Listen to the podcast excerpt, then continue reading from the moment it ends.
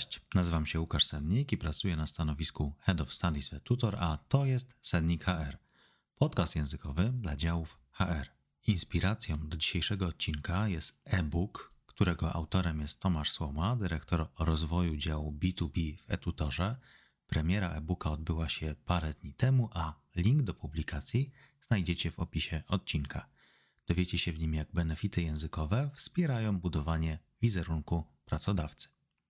A skoro o wizerunku pracodawcy mowa, to przechodzimy już do tematu naszego odcinka, czyli employer brandingu.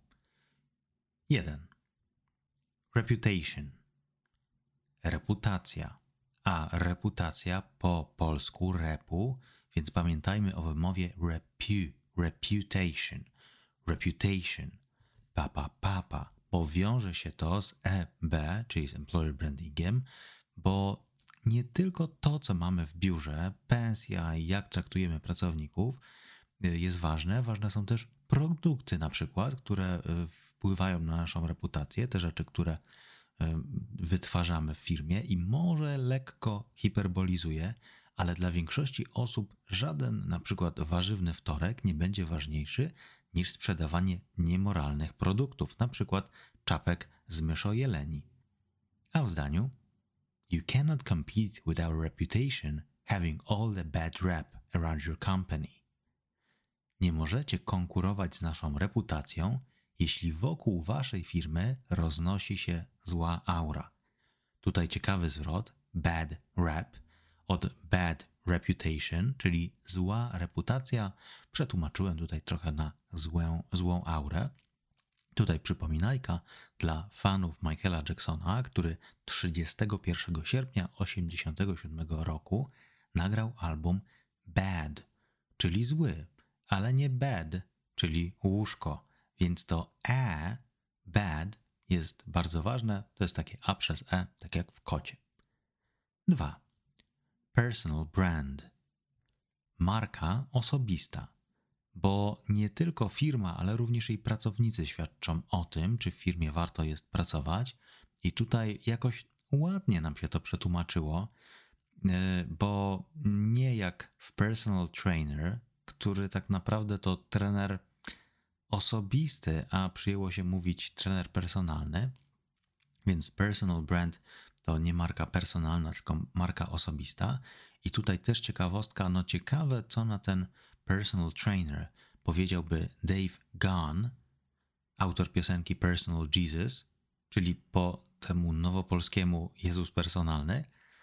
Y, no, właśnie takie tłumaczenie tego personal trainer. Personal brand, marka osobista, to czym my świadczymy o pracy w danej firmie, na przykład na naszych profilach społecznościowych. I tutaj jeszcze podpowiedź a propos e, Dave'a to jest Dave Gunn, długie A, a nie Dave Gahan, gdzie 90% osób słuchających Depeche Mode e, tak właśnie mówi. I już w zdaniu. You need to stop posting these ludicrous comments on LinkedIn and start caring about your personal brand. Musisz przestać pisać te niedorzeczne komentarze na LinkedInie i zacząć dbać o swoją markę osobistą. Pozdrowienia do wszystkich osób, które wrzucają takie niedorzeczne, absurdalne, czyli właśnie po angielsku ludicrous, takie komentarze, atakując inne osoby, a w opisie stanowiska mając wpisane, że są team liderem w takiej, a nie innej firmie. 3. EVP Employee Value Proposition albo Employer Value Proposition, jak zwał, tak zwał, to jakby tak zamiennie troszkę zaczę, zaczęto tego używać zestaw wartości pracodawcy dla pracownika. Długie i zawiłe po polsku, więc lepiej może skoń, skończyć na EVP i można to po prostu uprościć, jakby wytłumaczenie, czym ono jest w kontekście employer brandingu.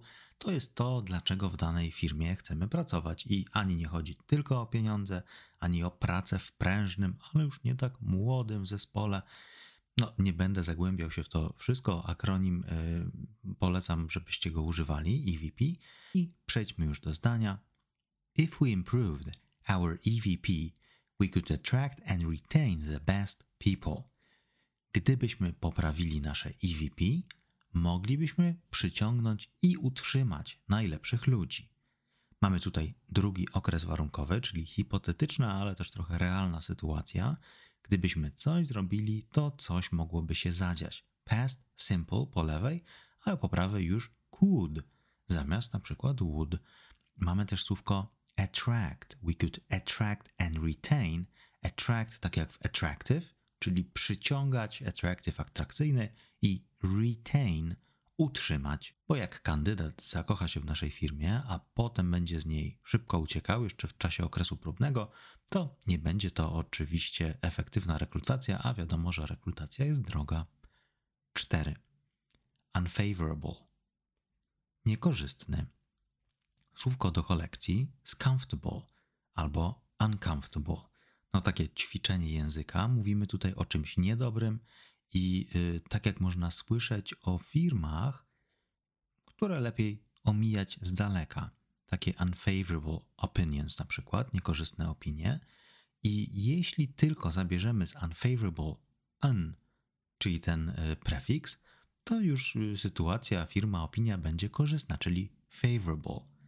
Ważne, żeby nie mówić favorable albo unfavorable, to zapomnijcie, że tak powiedziałem, unfavorable. Czyli ten prefiks un zamienia nam znaczenie z pozytywnego na negatywny, tak jak w comfortable wygodny na uncomfortable niewygodny, to tak samo favorable korzystny na unfavorable niekorzystny. I pamiętamy o wymowie bl na końcu, a nie able. A w zdaniu companies with good employer branding can get twice as many CVs as companies with an unfavorable reputation – ale tongue twister tutaj wyszedł. Firmy z dobrym EB, z dobrym employer brandingiem, mogą dostawać dwa razy więcej CV niż firmy z niekorzystną reputacją. Unfavorable reputation. No i tutaj też poparte jest to jakimiś badaniami, więc zachęcam do dbania o nasze EB. 5. Snazzy. Snazzy to odjechany, odlotowy, takie snazzy job description to odlotowa oferta pracy, więc jeśli już jesteście zmęczeni czytaniem o pracy w młodym, dynamicznym zespole, trzeba ten opis troszkę podkręcić. Szczególnie jeśli piszemy go po angielsku, tutaj pomoże nam w tym taki pewien dinozaur. A jaki to zobaczmy. The job description ain't snazzy enough. Fetch me the thesaurus. Ta oferta pracy jest za mało odjechana podajcie mi słownik synonimów. I tutaj mamy ciekawy zwrot ain't. Nieoficjalny, ale polecam go znać. Ain't jest troszkę jak gaśnica, nie musimy jej często używać, ale ważne, żebyśmy wiedzieli, jak działa. Pewnie już i tak słyszycie ją, e, jakby ten, ten zwrot ain't. To jest takie przeczenie, niezależnie od osoby czy czegokolwiek. Po prostu jak nam pasuje zaprzeczyć, to mówimy ain't i pasuje no, w takim bardzo, bardzo, bardzo kolokwialnym e, języku, więc wszelkie tutaj filmy, seriale. No i właśnie to słówko thesaurus, trochę jak dinozaur, ale thesaurus z tym th na początku przez zęby, thesaurus, to słownik synonimów, słownik wyrazów bliskoznacznych.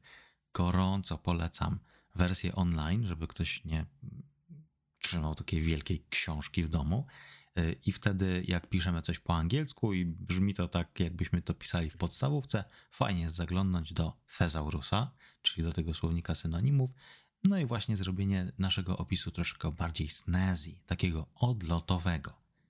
6. Nosedive. Nosedive, nurkować, tak jakby nosem w dół nurkuje samolot. Jak ktoś już oglądał Top Gun Maverick, to tam często te samoloty nurkowały, więc y, możemy powiedzieć też lecieć na łeb na szyję, takim takim jakby kolokwializmem. Nosedive to spadać ostro w dół, tak jak spadają według badań koszty rekrutacji w przypadku firm, które dbają o employer branding. No i wtedy one nie muszą oferować wyższych stawek, tylko po to, żeby ludzie wysłali swoje CV, no bo to jest tylko albo pensja, albo nic innego. I y, ta kwestia łączy się mocno z personal brand, bo na przykład gdy na LinkedInie, nie LinkedInie, na LinkedInie menadżer wysokiego szczebla przechodzi do innej firmy, która już dba o employer branding, to widzą to inne osoby, no i też zaczynają myśleć, czy nie fajnie byłoby tam pracować. Więc y, no, te firmy nie muszą strasznie podkręcać stawek, żeby tylko zainteresować kandydatów y, swoimi propozycjami pracy. A już w zdaniu, when top candidates want to work for you, recruiting costs nosedive by roughly 43%. Gdy najlepsi kandydaci chcą dla ciebie pracować, koszty rekrutacji nurkują o 43%. O około 43%. Tutaj roughly, właśnie rough, to takie około pi razy oko 7. Hone. Doszlifować. Na przykład doszlifować nasze komunikaty na LinkedIn czy nasz opis stanowiska więc wszelkie literówki nie są tutaj mile widziane. Trzeba właśnie doszlifować te opisy. Hone i po angielsku hone to też doszlifować nóż. I nie chodzi tutaj właśnie o słówko sharpen, jak e, słuchają mnie osoby, które strasznie jakoś zajmują się nożami mają kolekcję noży, czy jakieś noży ze stali damasceńskiej, to właśnie często jest tak, że mamy takie wstępne ostrzenie, po angielsku sharpening, ale potem wszelkie takie zadziorki trzeba e, właśnie doszlifować, czyli hone. I e, to jeśli widzieliście w jakiejkolwiek restauracji, ja ostatnio obejrzałem taki film Boiling Point o jakiejś londyńskiej restauracji. Tam właśnie ostrzyli noże na początku kucharze, a potem już takim metalowym kijkiem miziali tym kijkiem te noże, to właśnie było honing, czyli takie doszlifowywanie, żeby to ostrze było proste i żeby nie było żadnych zadziorów, ale nie żeby było e, ostre, bo ostre było przy sharpening, a nie honing. Więc jeśli macie już jakiś opis stanowiska, post na LinkedInie, to dobrze jest go dopracować, doszlifować, czyli to słówko hone. I w zdaniu I really like the shape of that LinkedIn post, but you need to hone the message a bit podoba mi się kształt tego postu na LinkedIn, ale musisz doszlifować trochę przekaz. Tutaj kształt, zamysł, tak jaka jest jakby mm, pomysł na ten post, no ale trzeba troszeczkę go tam jeszcze dopracować, doszlifować. Hone. 8. Amplify. Poszerzać zasięg.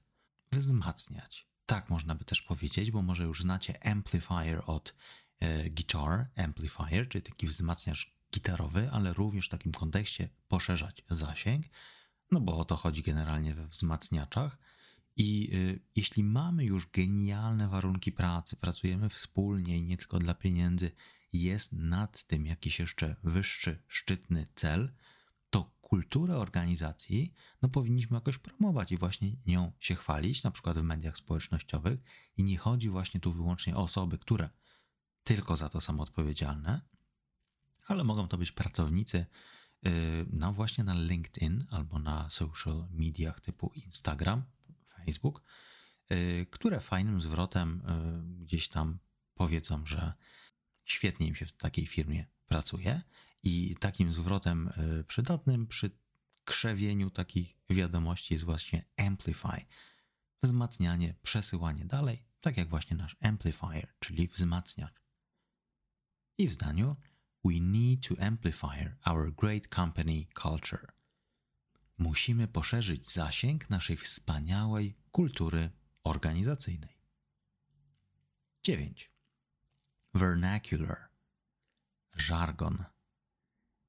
Bardzo ciekawe słówko. Vernacular. Dużo ciekawsze niż jargon, takie jargon, e, czy slang, slang E, pochodzi z, z łacińskiego verna. Verna, czyli niewolnik urodzony w domu, i tak jak zwykle e, są jakieś e, dialekty, idiolekty, socjolekty, jak ludzie są ze sobą w grupie i mieszkają, to tworzy się jakiś taki wewnętrzny język, i tym jest właśnie ten vernacular. I lekko już nacechowany na, na pewno kulturą organizacji, często e, przez nią narzucany e, z prośbą na przykład o niezmienianie i nierozwadnianie przekazu, bo każda większa firma, korporacja już taki vernacular, taki żargon przez lata pewnie wypracowała, szczególnie jeśli jakby um, chodzi tutaj o firmy o kapitale angielskim, amerykańskim, gdzie ten język no, naprawdę jest taki plastyczny. Może być tutaj dobrym przykładem takie angielskie Fulfillment Center, wprowadzone w latach 90. zasadniczo i po angielsku właśnie zdecydowanie lepiej brzmi niż absolutnie coś takiego samego packaging warehouse, czyli taki magazyn, w którym też się pakuje i wysyła rzeczy, fulfillment center, można powiedzieć, że efekt jest niby taki sam. Pracownicy firmy pakują produkty do pudeł, z tych pudeł trafiają do klientów, ale wydźwięk jest dużo lepszy, dużo bardziej pozytywny, bo w angielskim jest taka lekka gra słów z fulfilled, fulfillment, fulfilled, czyli spełniony, bo kreuje to wtedy taki obraz pracy, która spełnia czyjeś marzenia. My niby wsadzamy produkty do pudełek, ale to naprawdę zmienia e, rzeczywistość ludzi, którzy zamówili te produkty i bardzo ich chcieli. Więc w EB, w Employer Brandingu, wymyślenie takiego firmowego vernacular, takiego żargonu, czy utrzymywanie go i nierozwadnianie tego przekazu, no na pewno zdobędzie serca potencjalnych pracowników i jest to nie lada wyzwanie. A w zdaniu Please try to practice using our vernacular during in-house language courses. Próbujcie proszę używać naszego żargonu podczas wewnętrznych kursów językowych. Tutaj odnoszę się do mojej branży, kursów y, językowych w firmach. E, właśnie tak ten vernacular można sobie poćwiczyć, na przykład na zajęciach in-house, czyli wewnętrznych. Nie to, że gdzieś ludzie biegają po mieście, po dziwnych budynkach, te zajęcia są gdzieś w firmie, no mam nadzieję, że online. 10. To catfish. Złapać na wędkę, oszukać. To tak trzeba troszkę bardziej to, ten zwrot to catfish opisać. Catfish, ryba kot, sum. Po angielsku jest to sum, ale właśnie ma długie wąsy, więc troszeczkę wygląda jak kot. W przeciwieństwie do Polski, w większości krajów tych sumów się nie je. To jak ktoś się interesował e, wędkarstwem, ja gdzieś miałem jakieś podejścia lata temu, no to sum to jest taka ryba, która jest duża i jest w mule i ona jakby wciąga te zapachy mułu i raczej się jej nigdzie nie je. Więc jak ktoś już złapie, jakby jak ryba złapie haczyk, jeszcze nie wiemy jaka to jest ryba, męczymy się pół godziny z nią, wyciągamy suma, którego wiemy, że musimy wypuścić, bo jego się absolutnie nie da jeść, albo jest on pod ochroną. Tu przepraszam wszelkie osoby, które jedzą sumy już złapane i im to smakuje. Mm, to jest tak jak z tego mema, dobra rybka wcale nie, nie czuć mułem. To To catfish to jest właśnie złapanie kandydata na taki jakiś przekaz, który tak naprawdę nie jest rzeczywisty, bo nasz kandydat się właśnie umęczy na rekrutacji, tutaj różne jakieś procesy, etapy, poświęci swój czas. Co innego było obiecywane, przychodzi do firmy, a tu się okazuje, że absolutnie to był tylko taki catfishing, czyli takie łapanie kandydatów, pomimo E, innej rzeczywistości w firmie. Wiąże się to też z takim po prostu rozczarowaniem, po angielsku disappointment. I w zdaniu Employer branding is not the best way of catfishing employees because it's based on honesty. Piękne zdanie, jakby tłumaczące, że absolutnie employer branding taki nie jest, bo employer branding to nie najlepsza metoda na oszukanie pracowników i ich złapanie, ponieważ jest oparta na uczciwości. Więc naprawdę te nasze komunikaty muszą być uczciwe. To, co proponujemy w naszym employer brandingu, to musi być naprawdę rzeczywistość, żeby nie było takiej sytuacji właśnie catfish, czyli złapania, no i uciekania. Powtórzmy słówka. 1. Reputation. Reputacja. 2 Personal brand. Marka osobista. 3. EVP. Employee Value Proposition zestaw wartości pracodawcy dla pracownika. 4. Unfavorable niekorzystny. 5. Snazzy odjechany, odlotowy. 6.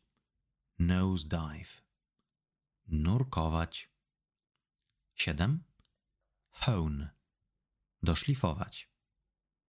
8. Amplify poszerzać zasięg. 9. Vernacular żargon. 10. To catfish złapać na wędkę i oszukać. To wszystko na dzisiaj. Wszelkie uwagi i pomysły na kolejne tematy i odcinki możecie zgłaszać bezpośrednio. Mail znajdziecie w opisie podcastu. Oczywiście zachęcam do subskrypcji na Spotify, Apple Podcast, Google Podcast. Prezentacje ze słówkami i zdaniami znajdziecie na moim profilu LinkedIn oraz w opisie podcastu. I jeszcze raz zachęcam do pobrania naszego e-booka, do pobrania e-booka Tomka i do usłyszenia w kolejnym odcinku.